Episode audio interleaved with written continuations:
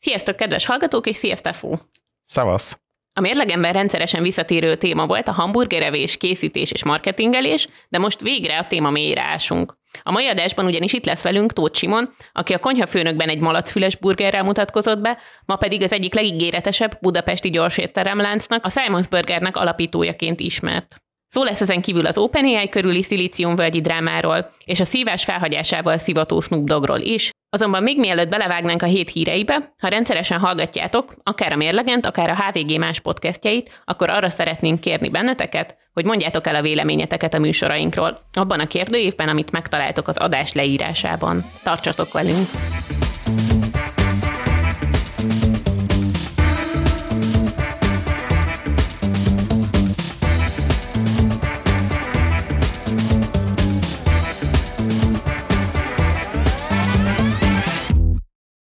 Snoop Doggról szerintem nagyjából mindenki hallott, és a egyik kedvenc időtöltéséről is, ami ugye a Mari... A zeneírás. A zeneírás, és a másikra gondoltam most éppen a gyógynövényekkel való kapcsolatára. Tehát az alapsztori ugye az az, hogy Snoop nagyjából egy hete bejelentette, hogy ő leáll a füstöléssel, a családjával történt hosszas konzultáció után ezt az Instagramon jelentette be egy fekete-fehér képpel, tehát minden adva volt, hogy úgymond az ember elhiggye, hogy wow, itt valami tényleg történik, lehet, hogy mit tudom én, egészségügyi problémája van, vagy ki tudja, hogy micsoda. Aztán ugye eltelt néhány nap, és kiderült, hogy egy füstmentes tűzrakó helyet reklámozott, ugyanis bejelentette, hogy imádom a szabadtéri tüzet, de a füst túl sok volt. A Solo Stove javított ezen, és megszüntette a füstöt. Ez, ez lett volna rögtön a második típje valószínűleg minden embernek, tehát azon kívül, hogy marihuána szívás közben látja lelki szemei előtt az átlag hírolvasó Snoop Dogot, amikor füstölésről van szó, biztos, hogy a második, hogy otthon tüzet rak szerintem. Ez lehet, igen, igen. De én hozzáteszem, szerintem ez az évezred kamp- média kampánya. Tehát, hogy Snoop Dogg közel, szerintem 30 éve híres arról, hogy zenél és szív, ugye? És akkor most hirtelen bejelenti, alap, hogy mindenki megírja, mi is megírtuk. Aztán ugye bejelenti, hogy ez az egész média hack volt, alap, hogy mindenki megírja, mi is megírtuk, ugye? Tehát, hogy egyszerűen szerintem elképesztően hatékony kampány, tehát tényleg nagyon egyszerű, és megvallom őszintén, hogy én egy füstmentes tűzrakóhely gyártója lennék, nem biztos, hogy ez jutott volna eszem, de abszolút piros pontot adnék a marketingesnek. Szerintem az ötlet nagyon jó, én borzasztó kíváncsi lennék arra, hogy mennyi pénzt kellett erre költeni, mármint, hogy egyáltalán Snoop Doggnak a megvásárlására, ha csak nem arról van szó, hogy azt mondta, hogy úgy gyerekek, ez a poén, hogy simán benne vagyok, de szerintem azért valószínűleg ennél sokkal jobban érzi a saját értékét. Nyilván amellett lehet érvelni, hogy az a pénz, amit elköltöttek az ő leszerződtetésére, az visszahozta magát abban, hogy organikus elérésben mondjuk nagyot futott a kampány. Ezer százalékig biztos vagyok benne, hogy az elérése az minden pénzt megért, és Snoopra visszatérve különben tehát nem véletlenül, hogy ezt elvállalta.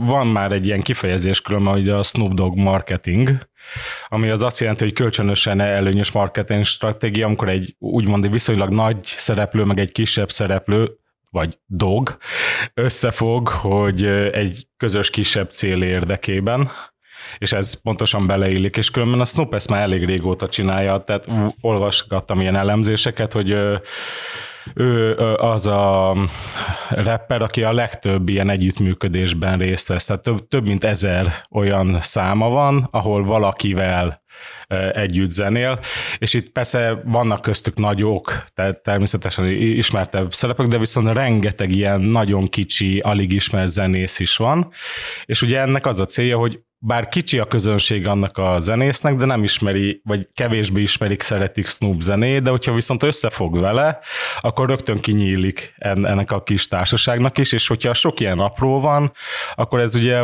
végső hatás az elég nagy lesz. Vagyis és hát szerintem inkább az is lehet mögötte, tehát hogy azt nem hiszem, hogy Snoop Dogot mondjuk valaki azért ismeri meg, mert egy ilyen harmadvonali, harmadvonalbeli nem azért... összeáll, viszont szimpatikusabbá tudja tenni. Így van, Igen. így van, pontosan, pontosan.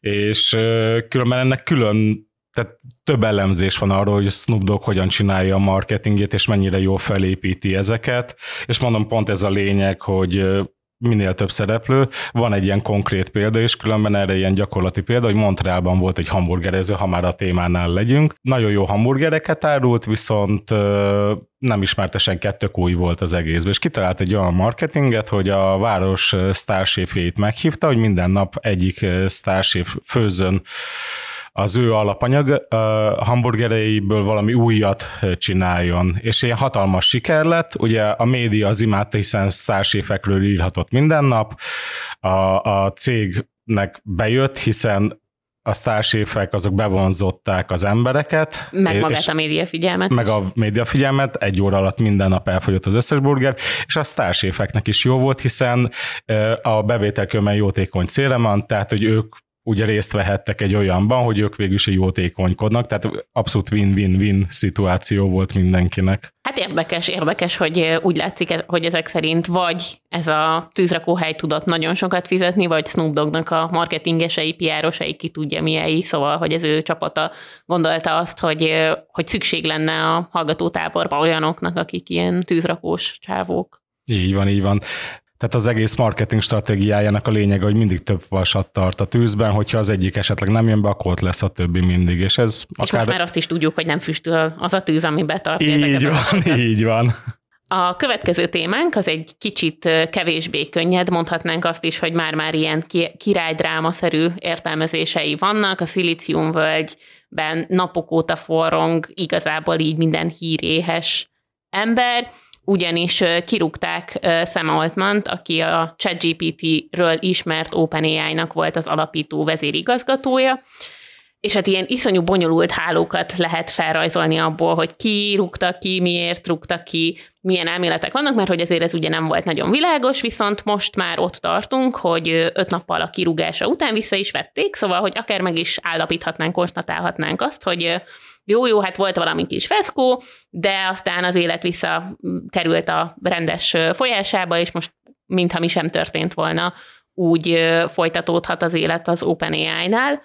De ez a megfejtés, ez távolabb sem lehetne a valóságtól, ugyanis az, a, az az öt nap, ami, ami eltelt Altmannak a kirúgásától visszavételéig, az gyakorlatilag teljesen átrendezte az erőviszonyokat ennél a cégnél, és hogyha itt most a hallgatóink azt mondanák, hogy úristen, hát mi, az, mi, mi köze van ennek az én életemhez, akkor nekik azért azt ajánlanám így megfontolásra, hogy a legtöbb mesterséges intelligenciával foglalkozó kutató, újságíró azt mondja, hogy ez, ez most a, a mesterséges intelligencia fejlesztésének egy olyan fejezete, ami valószínűleg hosszú időre bevonul a történelembe, mint egy ilyen nagyon fontos fordulópont.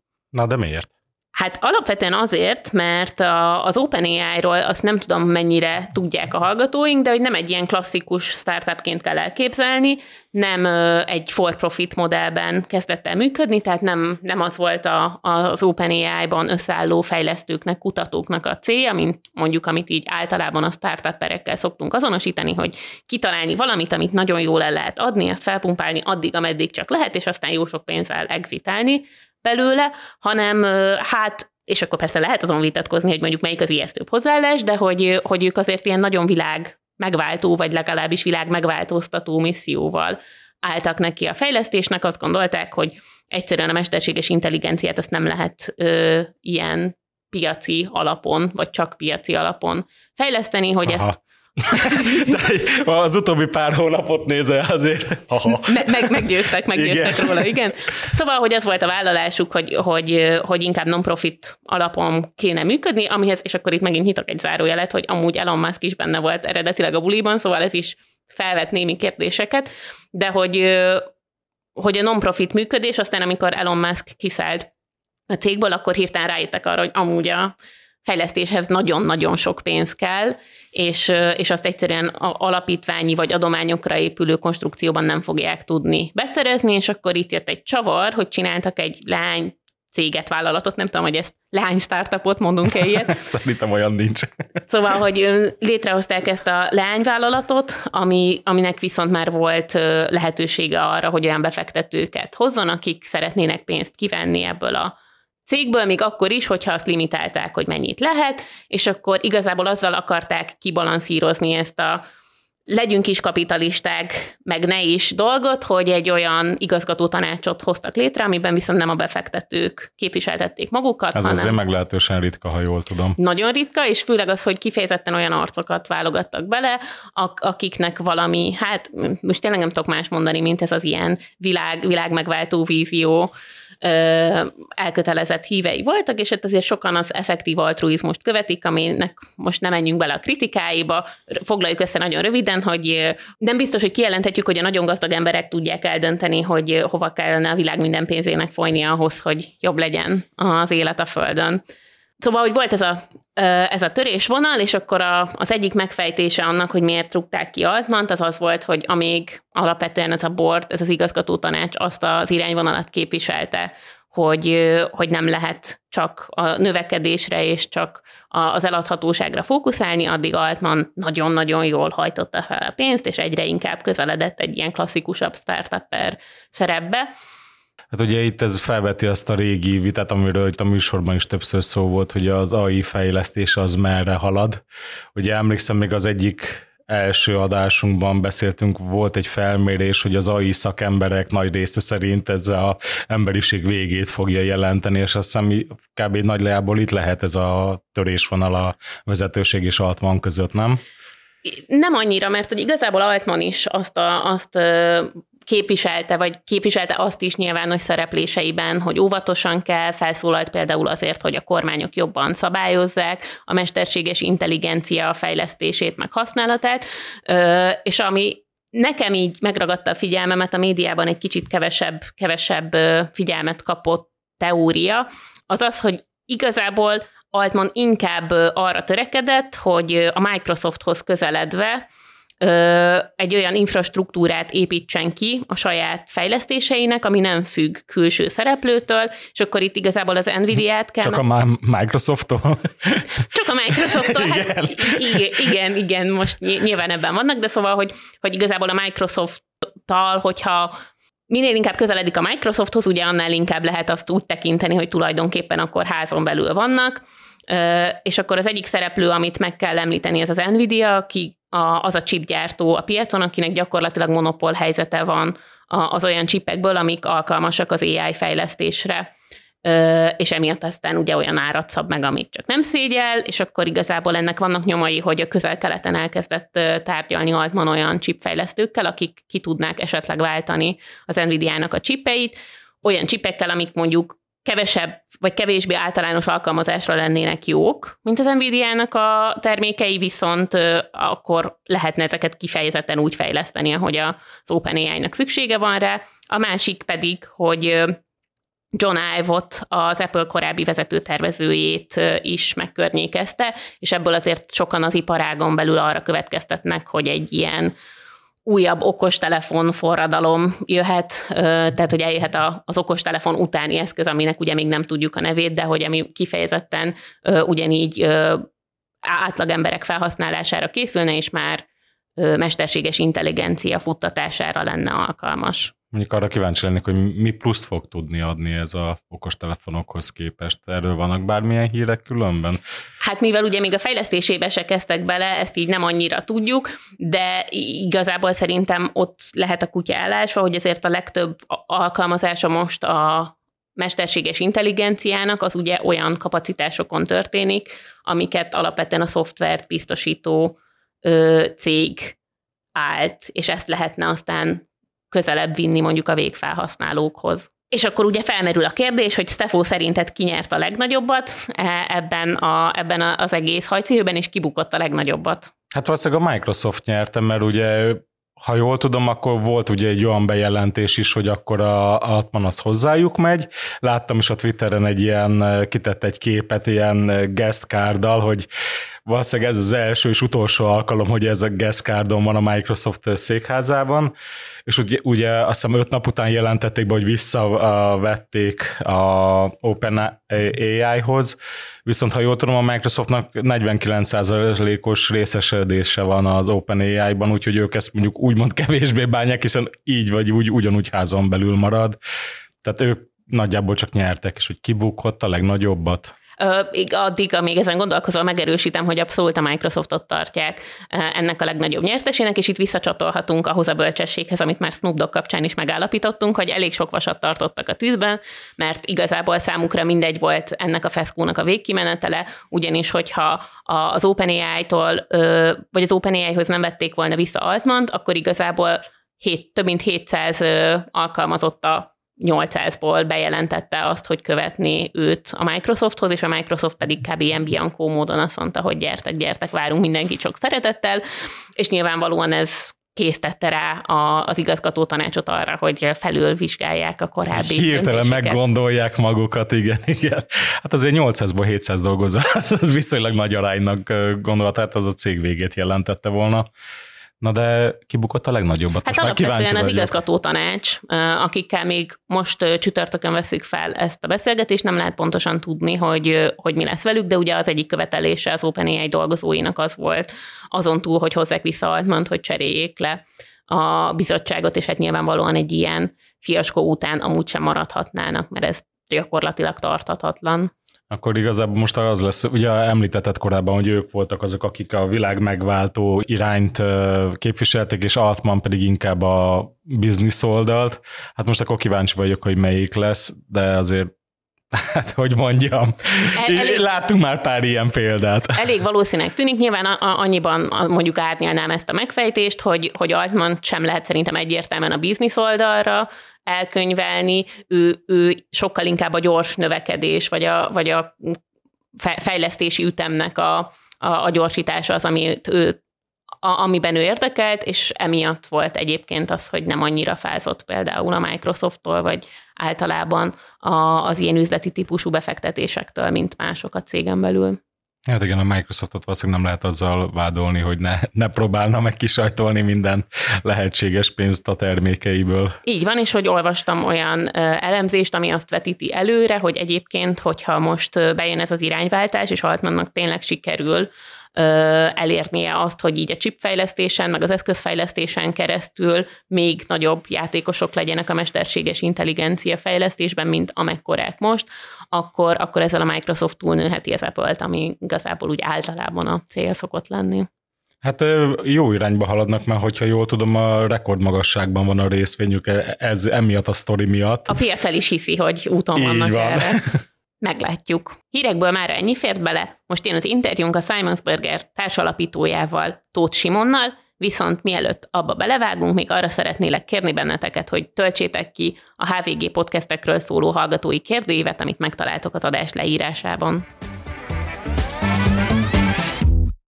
Ahogy ígértük, itt is van már velünk Tóth Simon, a Simons Burgernek az alapító menedzsere. Szia, és köszi, hogy elfogadtad a meghívásunkat. Én köszönöm, hogy itt lehetek. Szia.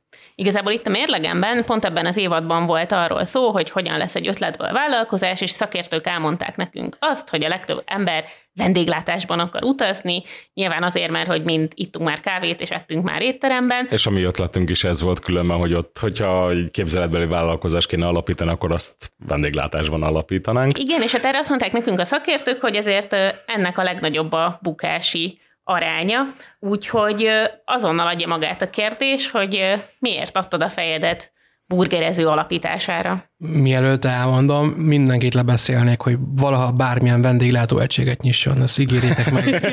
Néző, a hallgatók, meg ti is ígérjétek hogy soha nem fogtok nyitni semmit. Jó, jó. Túl sok lenne a betétás? Nem, hanem meg fogjátok bánni. Akkor ezzel rá tudunk csatlakozni az eddig elhangzottakra, így az évad szintjén. Nekünk nagyon nagy szerencsénk volt, és az, hogy a Simons Burger ilyen sikeres lett egy éven belül, az egy mázli. De egyébként be, belemerülni és látni a belső és külső problémákat, ráhatásokat, ezek után tényleg azt, azt tudja csak mondani az ember, hogy, hogy aki elkezdi, az nagyon sokszor gondolja át, hogy el akar elkezdeni, mert itt minden létező probléma fönnáll, és fönn is fog állni, és általában úgy szokott történni, hogy, hogy minden létező probléma egyszer áll fönn, és akkor old meg. Ezekről tudsz néhány példát mondani, hogy mik voltak azok, amikkel így útközben találkoztatok? Ugye mi vagyunk az a piac, ami nagyon nagy igényt kíván a fogyasztók miatt, és kiszolgálni ezt az igényt, ez borzasztó nehéz. Van kb. 30 dolog, 40 dolog, ami a mi esetünkben fönnáll, és ha abból egy nem sikerül, akkor már kapjuk az egy csillagot a Maps-en. Hiába volt jó a másik 29 vagy 39, de ha egy nem volt jó, mert mondjuk 5 percet késett a rendelése, akkor az ő ügyfélélménye az már romokban van, legalábbis ő ezt így éli meg. Pont a napokban is jött egy ilyen értékelés, és, és egyszerűen megdicsérte a helyet, minden rendben volt, annyi, annyit hibáztunk, hogy abban az öt percben nem volt ketchup, mert kifogyott pont előtte, és mondtuk, hogy öt perc múlva kicseréljük, de sajnos megkaptuk az egy csillagot, mert hogy neki, neki most kellett az a ketchup, ami egyébként nálunk ingyenes, tehát hogy ennyire föl ö, tudja magát bosszantani az ember, hogyha, hogyha ilyen, ilyen, ilyen dolgokat lát, de valahol igazuk van, tehát ők ö, valóban fogyasztók, és, ö, és kiszolgálni az ő igényüket az a feladatunk, de hogy ezt százszerzelékosan lehessen teljesíteni, ez borzasztó nehéz, és ez az, amiben egyiket meg lehet futamodni, hogyha ez nem sikerül. Oké, és milyen képed volt akkor eredetileg, amikor még nem láttad ezeket gyakorlatban? Én uh, mindig is úgy gondolkoztam róla. Egyébként én már megfogadtam, hogy sohasem fogok vendéglátásban dolgozni, ezt megígértem, és hogy és mellette még azt is, hogy sohasem leszek marketinges. Most jelen, eddig jól megy. Jelenleg a marketinget én viszem, és, és egy vendéglátó egységem van. De én mindig úgy láttam ezt, hogy van egy tulajdonos, aki, aki egyébként ért is a kajához, süti a hambikat, a mi esetünkben, vagy valahogy tésztázóban a tésztákat csinálja, barátságos, kimegy a vendégtérbe, beszélget velük, megölel, megöleli őket, visszamegy, megcsinálja a kaját, mindenki a vendégem, és egy kicsit ilyen, ilyen, ilyen flash volt a sztorinak, mielőtt még elkezdtük. Van benne ilyen is, találkozhatunk ilyen, ilyen, ilyen momentumokkal, de annyi ö, ö, kihívás van, hogy sajnos ez a ez az attitűd, ez, ez, ez már nagyjából el is tűnt.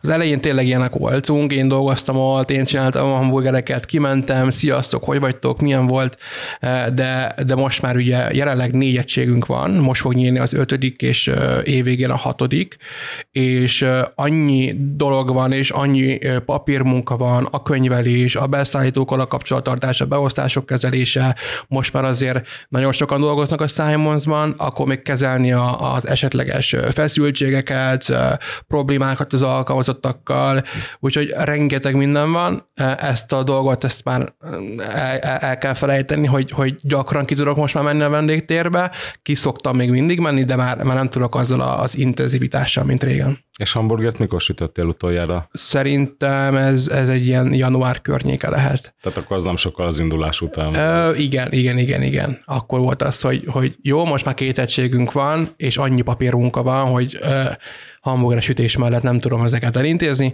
úgyhogy onnantól kezdve szerintem ki is hátráltam a, a dologból. És arra látsz különben esélyt, hogy valaha fogsz még, vagy egyáltalán van még ilyen vágyad? E, nem, egyébként teljesen ez, ez, ez, ez, örülök, hogy kikerültem belőle. Most már csak back office van, azon belül is most jutottunk el odáig, hogy fölváltottuk, vagy felosztottuk így a munkafolyamatokat.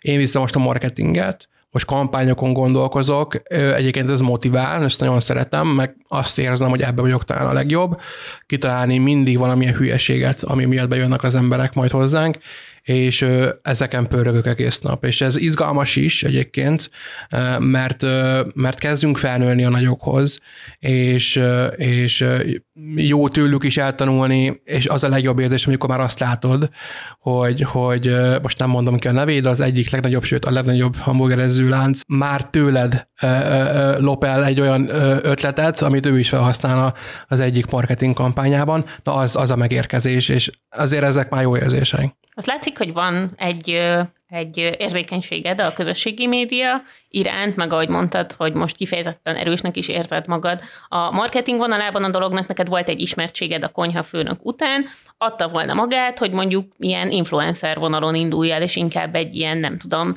főzős ember legyél mondjuk az interneten, vagy egy burgeres ember legyél az interneten, ez nem fordult meg a fejedben? De, nagyon sokat gondolkoztam rajta.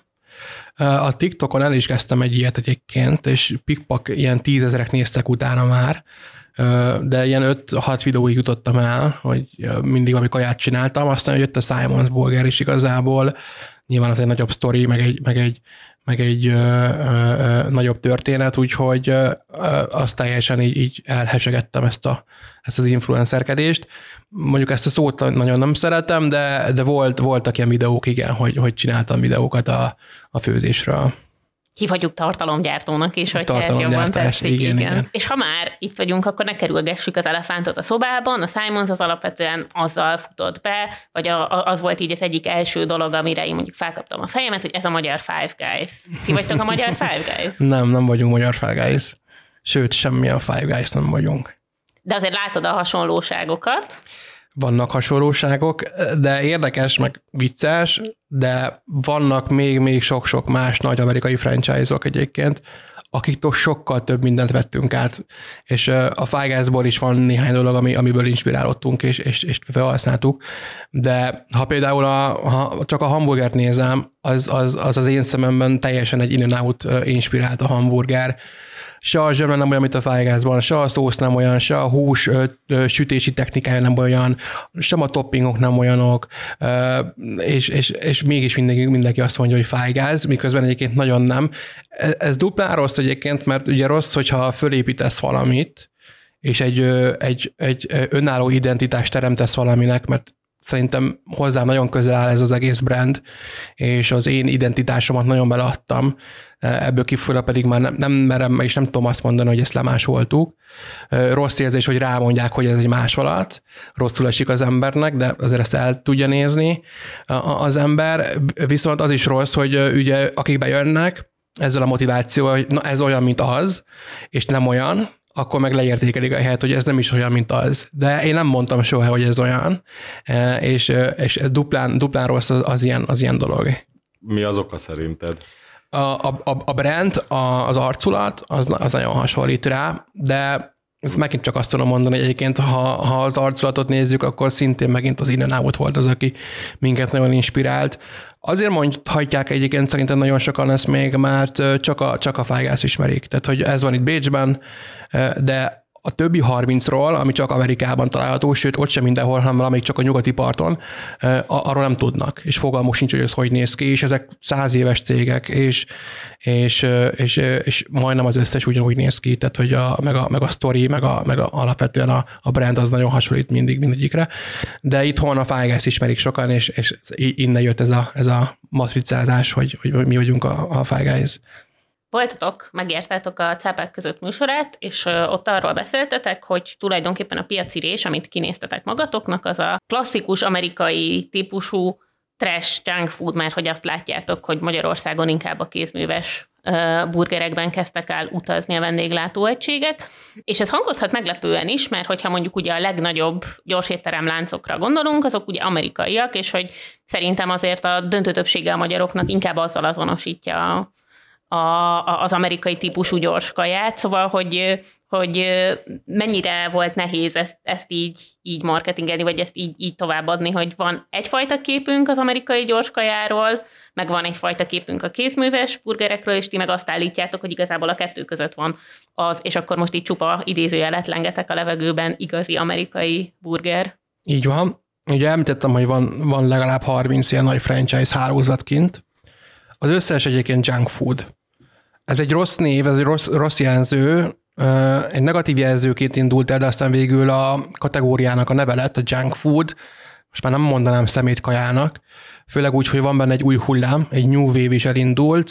Az összes ilyen nagy franchise-ban azt látja az ember, ha kimegy, nagyon hangsúlyozzák azt, hogy friss alapanyagokkal dolgozunk, aznap vágjuk fel a zöldségeket, nem fogyasztjuk le a marhahúst, frissen vágjuk a krumplit, nem használunk fogyasztott termékeket, nem található nálunk mélyhűtő, nem található nálunk mikró, tehát hogy ők nagyon-nagyon rámentek erre az új hullámra. Ugyanúgy junk food kategória, a hamburger stílusából kiindulva, hogy nem egy nagyon nagy hamburger, nagyon nagy zsömle XXL, hanem ugye az amerikai hamburger az, az, az ott, ott ilyet nem is találsz egyébként, mint amiket itthon találunk, ilyen kézműves hamburgerezők ilyen nincsenek, hanem ezek a lapos, meg és hamburgerek vannak gyakorlatilag mindenhol, és ez egyébként nagyon vicces, mert nagyon nem szeretem azt a lehurogását a, mondjuk a McDonald'snak, hogy, hogy, hogy mindenki meg kiben eszik, de mindenki letagadja, hogy a mekiben eszik. És azért mondjuk ki, hogy a Meki az iszonyatosan finom. Az én kedvenc hamburgerem az a Big Mac. Nincs jobb a Big Mac-nél, az stop, el van találva. De az, hogy letagadjuk... sincs jobb?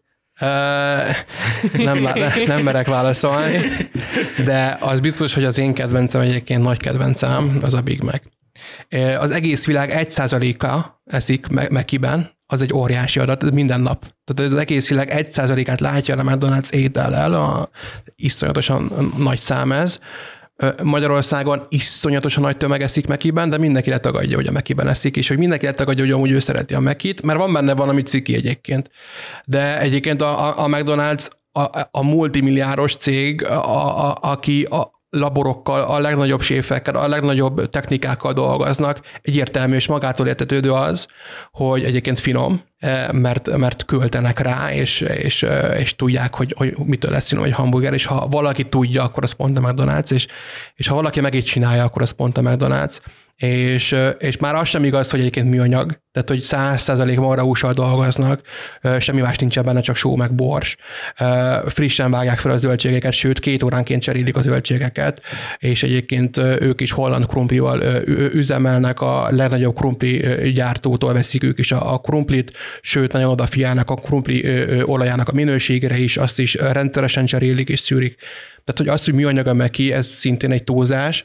Mondják ezt azok az emberek, akik egyébként bemennek a spárba, megveszik a védőgázas csomagolt a hamburger zsömléket, a fagyasztott pulyka húsos 50%-os húspogácsákat, és akkor elmondják, hogy az mennyire, mennyire, mennyire jobb, meg mennyivel egészségesebb. Nem, a meki sokkal egészségesebb, mint mondjuk egy spárból összerakni egy hamburger, bármennyire is furcsán hangzik, de ez tényleg így van. Hirtelen azt se tudom, hogy hol lehet felvenni ezután a fonalat. Ti a, az első üzleteket azt az ötödik kerületben nyitottátok meg, és alapvetően most is a belvárosban terjeszkedtek. Milyen kezdőtőke kellett ahhoz, hogy el tudjatok indulni, és ezt honnan sikerült megszerezni? Igen, a, a, a kezdetben mi kaptunk egy, egy, egy bizonyos tőkét, pár millió forintról beszélgettünk, egyébként nagyjából ilyen, ilyen 8-10 millió forint összeg, összeg, összeget tudok mondani. Ezt meg lehet kérdezni, hogy kitől? Tehát ez család volt, barát? Nem, ez egy barát volt. Barát. Ez uh-huh. egy mhm. barát volt, ő adta a tőkét, és nagyon büszkék vagyunk rá, és ezt szoktuk is mondani, hogy egyébként ezen túl soha semmilyen tőke nem jött be a cégbe, sem hitel formájában, sem pedig az ő formájában, hogy ő adott volna még bele pénzt, hanem innen nőtte ki magát igazából a sztori. Az első helyet még a havarokkal raktuk össze, ők jöttek, velük raktuk össze az asztalokat, cégeket, velük festettem, és, és az első hely egyébként így, így jött létre és minden más pedig ebből a helyből nőtte ki magát, a tőke is, és, és, a, és, a, és a fogyasztói réteg is, akik, akik ugye folyamatosan járnak még, még azóta is hozzánk, és és tehát ezzel a kezdőtőkével tudtunk elindulni, és erre nagyon büszkék vagyunk, hogy ezen túl semmi más nem jött be a cégbe. De aztán elmentetek a cápák közöttbe is, ahol azt mondtátok, hogy alapvetően franchise-osítani szeretnétek, és hogy ehhez kerestetek volna befektetőt, Kaptatok is ajánlatot, díja végül is a műsorban nem lett belőle. A franchise-osításhoz szerinted miért kellett volna, vagy miért éreztétek akkor, hogy talán jó lenne egy, egy újabb tőke injekció? A, ugye a franchise ötlete az már nagyon hamar megszületett bennünk. Egyébként magát az első helyet is úgy alakítottuk ki, hogy maga a brand az nagyon egyszerű, nagyon átlátható és nagyon könnyen fogyasztható. Ugye nálunk a menün egyfajta hamburger van, egy betűtípus használunk, kettő színünk van, a fehér meg a zöld, és a zöldből is csak egyfajta, úgyhogy ilyen szempontból már erre úgy csináltuk meg, hogy ha esetleg berobbanna a sztori, akkor nagyon könnyen lehessen ezt lemásolni és nyitni valahol másikat. És akkor lett ugye a, nagy hullám, hogy a franchise ötlete az, az nagyon hamar, ugye akkor végül is meg is született, és meg is írtuk a, a franchise szerződéseket, a kézikönyveket hozzá, és amikor ezzel meglettünk, akkor ugye mentünk be a, a cápákba. Ugye nyilván nem titok, hogy sokan nézik a cápákat. Ugye eleve nagyon kíváncsiak voltunk, hogy mit mondanak, hogyan értékelik a céget, meg mennyire értékelik a céget, és hát, és hogy lett volna egyébként az az összeg, ami, ami miatt eladjuk, de de leginkább azt akartuk, hogy minél többen megtudják, hogy elindult a, a franchise szerződésünk, a franchise díjunk, amit meg lehet venni, és, és, és ez volt a, a, a másik motiváció, hogy, hogy, hogy ezt, ezt minél több ember megismerje. Ha akkor megkapjátok, hogy azt hiszem 100 milliót kértetek 5 ért, ha mondjuk valaki ezt beajánlja, akkor azt a pénz az csak a franchise-ra ment volna, vagy akkor mondjuk lehet, hogy most már több üzlethelyiségetek lenne. Egyébként magára, magára a franchise ra nem kell sok pénz. A, a franchise jogot megírni, meg a kézikönyveket megírni, ez így összesen nagyon maximum egy 10 millió forintos összeg. Inkább az éttermekre ment volna el, és, és ráálltunk volna arra, hogy nyilván a franchise-okon túl legyen minél több saját éttermünk is. És most gondolkodtok azon, hogy bárki beszálljon? Tehát, hogy behozzatok valakit? Hát most nagyon sok partneret tárgyalunk. Az országból gyakorlatilag mindenhonnan jönnek a jelentkezések, és minden nap leülünk valakivel, és igen, van azért egy kettő-három darab, aki, aki nagyon-nagyon-nagyon komolyan már-már tényleg a, a, az aláírás előtt állunk, úgyhogy Úgyhogy haladunk igen e felé is, hogy megnyíljon az első franchise. És befektetői szinten, tehát befektetőt kerestek még, vagy most már úgymond annyira növekedtek, hogy már nincs rá szükség? Hála Istennek, hogy nincs rá szükség. Egyébként vendéglátásban nem is az a nehéz, hogy pénzed legyen, hanem az, hogy mondjuk egy jó helyet találj magadnak. Azok, azok amik egyébként soha nem kerülnek ki a kézből, tehát mondjuk a Corvin sétányon végigmész, soha nem lesz ott már kiadó üzlethelység. Ha lesz is, akkor 100 millió forintos bérleti joggal, amit, ami, ami szürreális, és nem tudom hány év mire megtérül, 20-25. Úgyhogy nem is a pénz itt a, a, a legnagyobb kihívás egyébként, hanem tényleg az, hogy, hogy találni egy jó partnert, vagy egy jó üzlethelységet, akinek mondjuk normális a tulajdonosa, e, és, és bekerülni a plázákba, ahol nagyon nehéz, és csak akkor tudsz, ha már van egyfajta presztízsed, úgyhogy hogy e, ez a legnagyobb kihívás inkább. Hosszan beszéltél már igazából te magad ebben a műsorban arról, hogy ennek a burgeres franchise-nak azért ugye az amerikai nagykutyái mekkora szeletet kiharaptak már a piacból. Mi, mi, mit lehet csinálni egy, egy, ilyen, egy ilyen versenyben Magyarországról elindulva 2020-as években? Mire gondolsz? Hát arra gondolok, hogy hogy tényleg az egész világon mondjuk a megkivel azonosítják a gyorskaját, és akkor van még mondjuk mellé nem tudom, négy-öt szereplő mondjuk csak Magyarországon, akit így kapásból fel tudna az ember sorolni. Mitől lesz szexi mondjuk egy, egy magyar burger, hogyha franchise-otokat szeretnétek külföldre is kivinni? Itt a piac részevők számának a hiánya az, ami, ami inkább mindig megisíti ezt az egész kategóriát. Kint az USA-ban mi szoktunk kijárni három-négy havonta, tulajdonosok inspirálódni, és tényleg csak üzleti célra megyünk ki, megnézzük ilyenkor az összes helységet. Tehát kint a, a McDonald'sok azok, azok üresek, tehát hogy nincs benne senki. Vannak még, sok van még, de, de már közel sem az a népszerűsége, mint, mint, mint 30-40 éve. Ugye, ahogy mondtam, van most már rengeteg másik alternatíva, és mindenki oda jár. Tehát, hogy a két, két nagyon nagy volt, az az In-N-Out, meg a Chick-fil-A, olyan iszonyatosan sorok, nagy sorok voltak, hogy az ami elképesztő volt, és olyan hosszú, ugye ott mindenki drive-thruzik, mindenki autóval veszi fel a rendelését, olyan autósor volt, hogy nem láttál el, de tényleg nem láttál el a végére, úgyhogy azt, hogy a Meki egyébként komoly szereplője lennek még mondjuk ennek a piacnak kint Amcsiva, ez, ez, már, ez már nem így van. Ott tényleg üresek voltak, és nem nagyon volt benne senki. Erről tudnám megmesélni, ez a, hogyan zajlik egy ilyen tanulmányi túra, vagy hogyan mondjam, tehát hogy itthon elkezdtek gondolkozni, hogy kéne egy burgert itt, itt, itt, és nézzük meg, és akkor kimentek, és végig kajáljátok őket? Egyébként nagyjából igen, ez így néz ki, de egy pont amúgy a legkevesebb a kaja itt ebből a szempontból. Um, ugye van egy burgerünk, ami már, mi már nem nagyon fogunk változtatni. Amit még lehet építeni, és amit még lehet fejleszteni, az alapvetően a brandnek az értéke. Ugye kint iszonyatosan intuitívak a, a, a, nagy vállalatok. Nem annyira materiális alapon működnek, hanem látszik, hogy az összesnek valami olyan ötlete van, ami egyszerűen elképesztő, és olyan, olyan inspiráló, és pont ezért megyünk ki mindig, mert mindig annyira sokat tanulunk, és annyira látszik, hogy hogy, hogy valami egészen másból táplálkoznak, mint mi itt Kelet-Európában. Nagyjából az úgy néz ki egyébként, hogy folyjuk a poharakat, az acskókat, mindent körbefotózunk, de haza is hozzuk. Egyébként van nekünk egy vitrinünk az irodába, amiben 20 franchise-nak kivarakva az acskója, meg a pohara, és, és én kis apróságokat nézzünk meg, hogy mi van ráírva, valamelyiknek a pohár aljára van ráírva egy kis üzenet, hogyan használják a, a színeket, a logókat, és leginkább itt a brand részét vizsgáljuk meg, amikor megyünk egy ilyen, egy ilyen útra, és abból próbálunk meg inspirálódni és tanulni. És ehhez mennyire kell oda menni? Mert így a 21. században már felmerülne bennem, hogy mondjuk tulajdonképpen a, azt, hogy milyen színeket, meg milyen fontot használnak mondjuk a poharaikon, ezt tulajdonképpen meg lehet nézni a neten is, ha az embert érdekli, hogy mit ad hozzá az az élmény, hogy a kezedbe is veszed, vagy nem tudom, látod a sort? Nagyon oda kell menni egyébként, mert az összhatás az, az teljesen más. A videókon mindenkit, mindent végignéztem, de közel nem volt annyira inspiráló, mint mondjuk kimenni. És tényleg az, hogy kint, ha bemész egy chick és ezt ott láttuk először, és a videókon ez már nem jött át, hogy minden chick van egy vagy egy, egy, egy idősebb hölgy, vagy idősebb úriember, aki, aki egy rongyal mászkál körbe-körbe, és törögeti az asztalokat látszólag.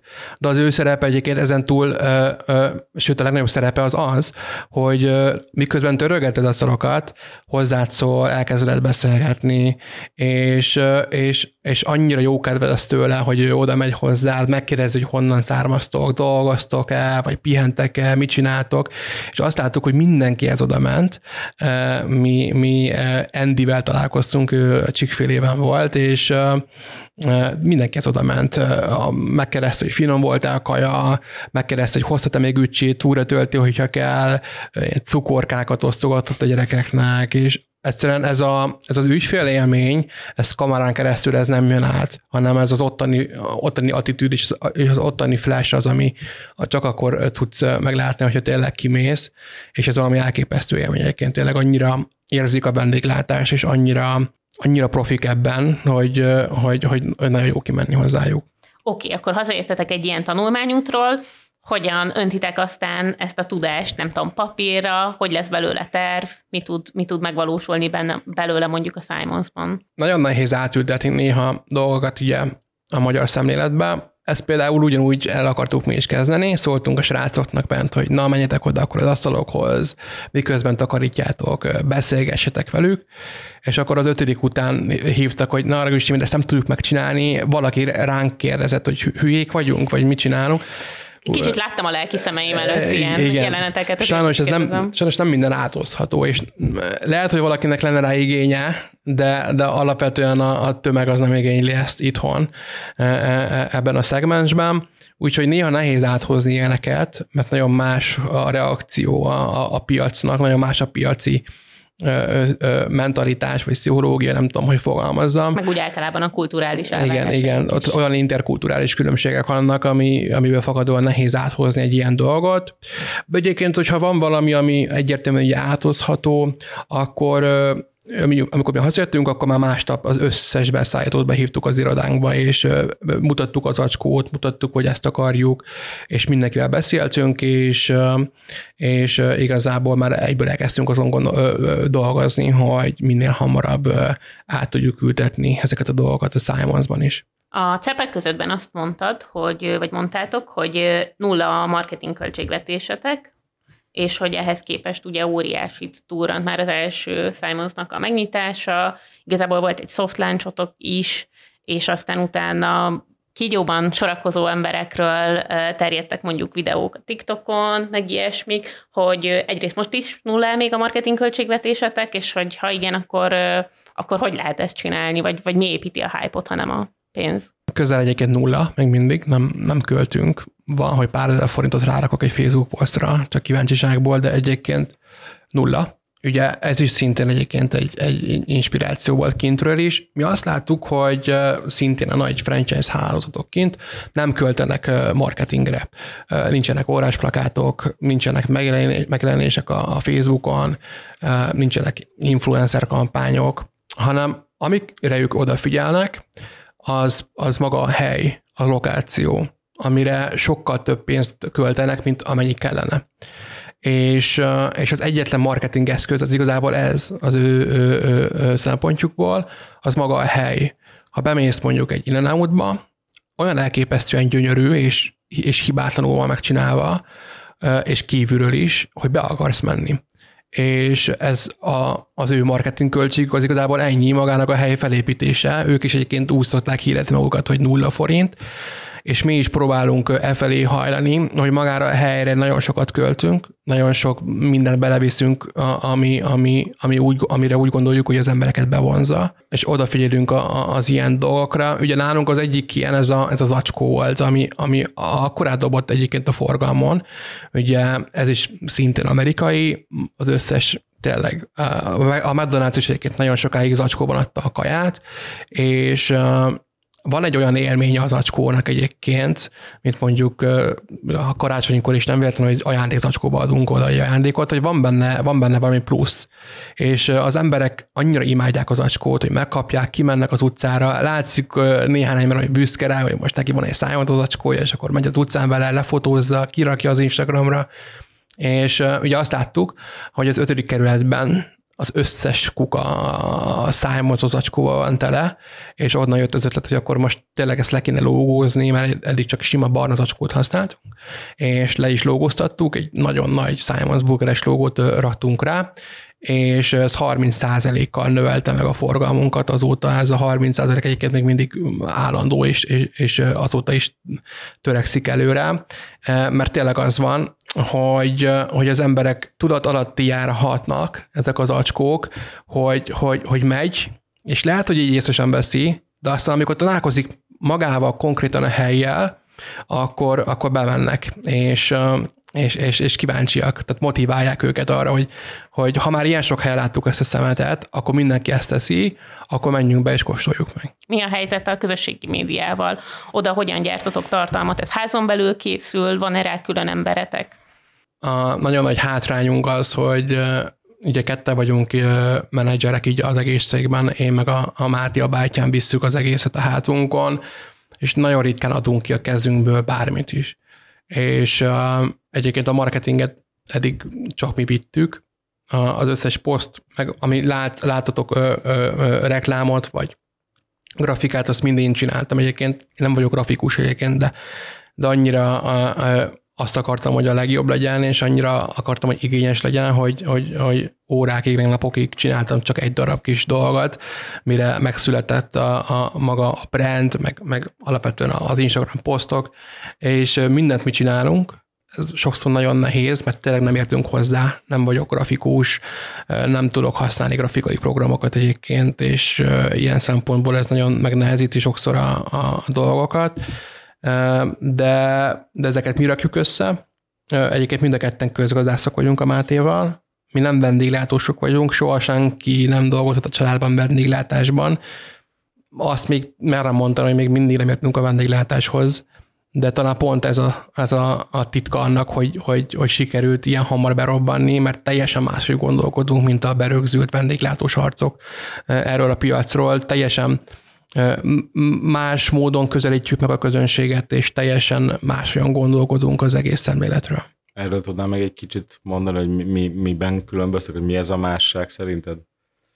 Ugye mi nagyon szeretjük a, az ingyen dolgokat, és azt vettük észre, hogy, hogy sokszor felhúzzuk magunkat mondjuk azzal, hogy bemegyünk egy hamburgerezőbe, most konkrétan gondolok egy hamburgerezőre, de nem mondom ki a nevét, és mondjuk elkérnek 450 forintot és szószér. És hogy egyébként, hogy miért, azt nem tudom, mert amúgy Amerikában mindenhol az összes szósz ingyen van, és, és persze bár 100 forintról beszélgetünk, de, de, de miért kell neked pénzt egy, egy, egy 50 milliliteres kis cuccér, amit 5 perc alatt befalsz, és, és egyébként meg kint ingyen van.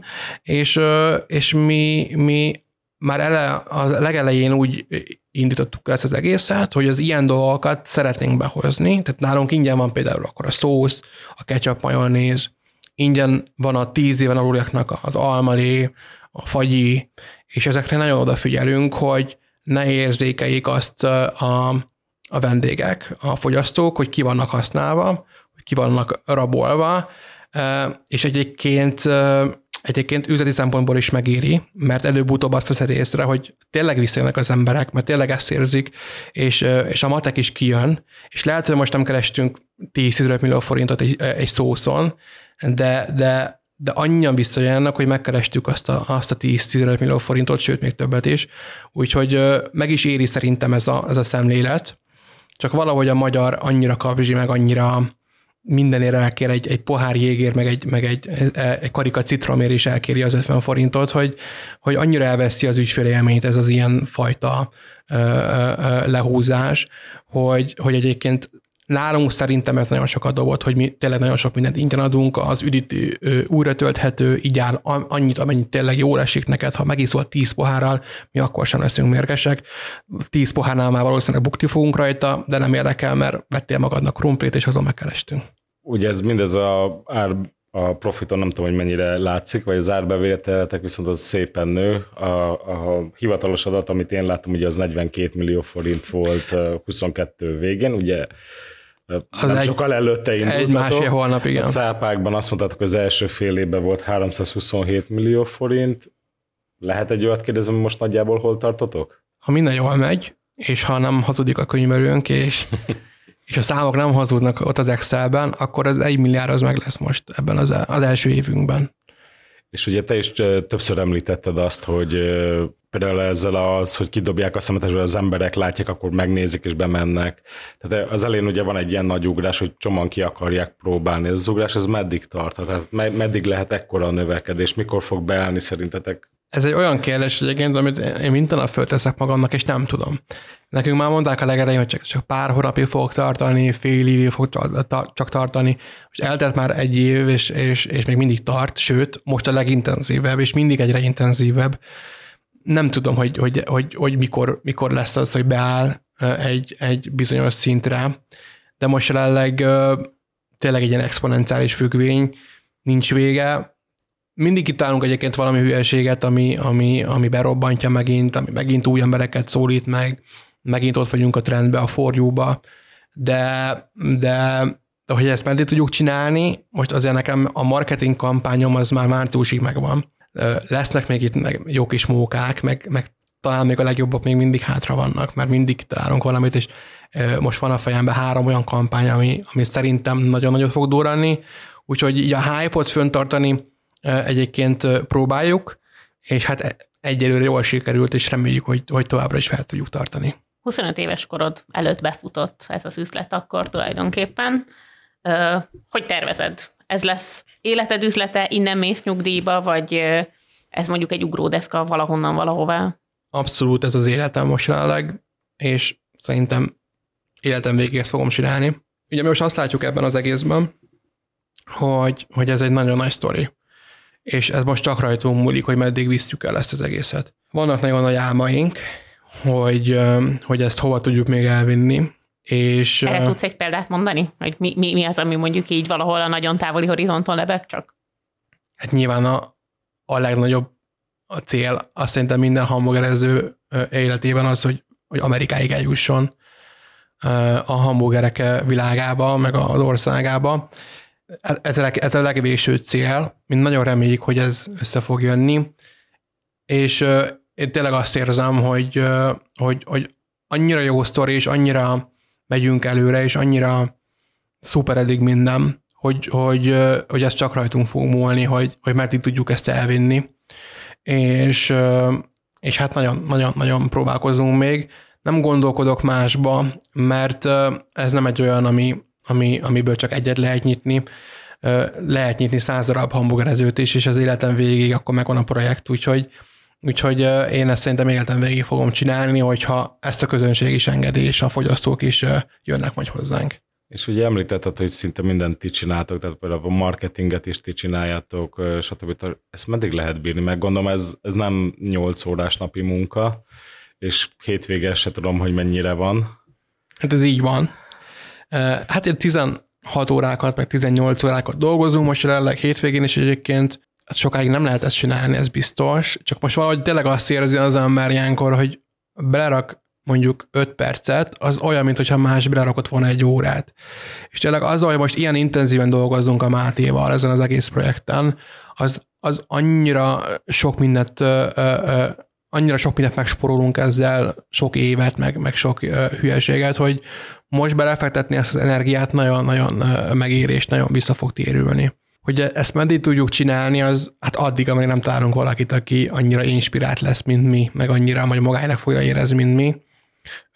Most egyébként most már a back office-ba fölvettünk pár embert, akik el tudtak venni néhány terhet rólunk, úgyhogy elkezdtük kiadni az, ilyen, az olyan munkákat, ami, ami számla befizetés, beosztáskezelés, tehát hogy az ilyen dolgokat, amik, amiket nem inspirálóak és nem annyira forradalmiak, ami, ami miatt járnának hozzánk az emberek. Úgyhogy próbálunk levakarni magunkról ilyen terheket, Reméljük, hogy, hogy a következő három évben egy olyan tímet tudunk fölépíteni. Nekem ez nagyon ajánlunk ez, hogy legyen egy, egy olyan back office, egy, egy, egy 5-10 fő, akik nagyon profik, akik nagyon értenek hozzá, és, és hogy remélem, hogy velük tudunk majd menni tovább. És hogyha ez megvalósul, akkor mi maradna a te kezedbe? Tehát mi az, amit úgy érzed, hogy soha nem szeretnék kiadni, és te azt továbbra is csinálnád? Hát az egyértelműen a, a, nekem a marketing az egyébként teljesen ilyen, a kampányoknak a megszületése, azt én egyszer nem tudnám odaadni másnak. Volt egy ilyen hirdetésünk egyébként, hogy keresünk grafikus, meg marketingest, és az volt a feladat, hogy nem, nem CV-t kellett beküldeni, hanem egy posztot kellett küldeniük, amit, amit szerintük kirakhatnánk az Instára. Jött kb. 20 darab ilyen poszt, és az egyik sem tetszett nekem. És tényleg az volt, hogy, hogy, hogy, hogy de nem, hogy valamire tetszett volna, hanem pici sem tetszett. És egy, egy kicsit sem éreztem azt, hogy, hogy át tudnám ezt valaha bárkinak adni, és, és a marketing az ilyen, azt én nem tudnám odaadni most már senkinek. És búcsúzóul, ha még egy tippet adhatsz a vállalkozó hallgatóinknak, azon túl, hogy e, ne próbáljanak meg vendéglátásban bizniszelni, akkor mi lenne az? 24 évesen bármit tanácsolni bárkinek azért az erős. Azt tanácsolom, hogy hogyha bármilyen ötlete van, tényleg csinálja meg. Én ezt sajnáltam, hogy gimisként soha nem vágtam bele semmibe, mindig húztam. Lehet, hogy 30-szorosan fog összejönni, de a 31 úgy is összejön, és akkor jó lesz minden. Nagyon szépen köszönjük Tócsi Monnak, hogy eljött, a hallgatóinknak pedig azt, hogy ezúttal is velünk voltatok. Sziasztok! Sziasztok!